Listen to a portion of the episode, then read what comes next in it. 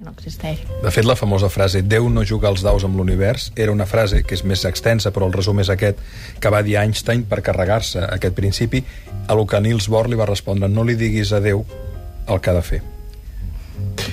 Àlex Rovira té alguna frase més d'Einstein sí, avui més que fer un bloc de notes exacte, més que fer un bloc de notes convencional m'agradaria triar dos frases d'Einstein que són molt interessants i que una ens la comentés la Sònia i l'altra en Francesc per acabar el Ah, programa. que bonic. Eh? Molt bé.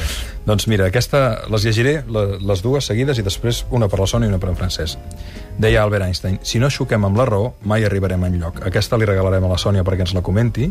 I l'altra deia, vivim al món quan estimem. Només viure per als altres dona sentit a la nostra existència. Aquesta anirà per en Francesc. Per tant, Sònia, si no xoquem amb la raó, mai arribarem enlloc?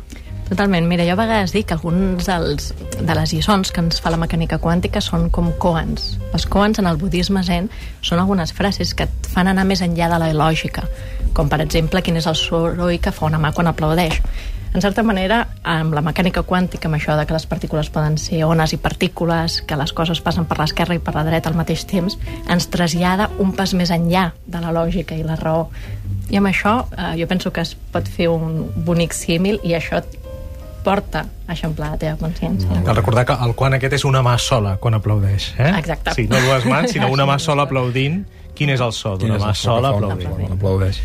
I l'altra frase era, vivim al món quan estimem, només viure per als altres dona sentit a la nostra existència.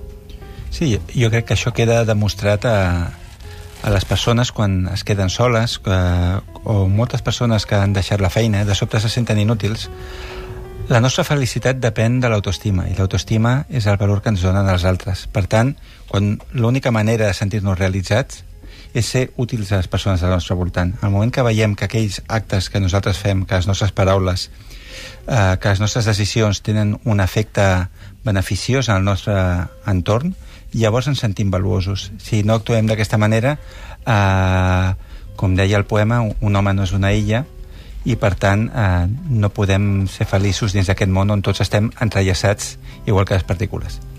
Ho hem de deixar aquí. Moltíssimes gràcies, Sònia Fernández Vidal. Fins ben aviat. I gràcies als amics Francesc Miralles Gràcies. i Àlex Rovira. Enhorabona per aquesta novel·la, per l'última resposta. I que vagi, bé, que anirà molt bé, que vagi molt bé també la tasca de promoció per Catalunya i l'estat espanyol. Ens tornem a veure ben aviat. Una abraçada. Moltes gràcies. Als oients també. Moltíssimes gràcies. Bona nit, bon cap de setmana.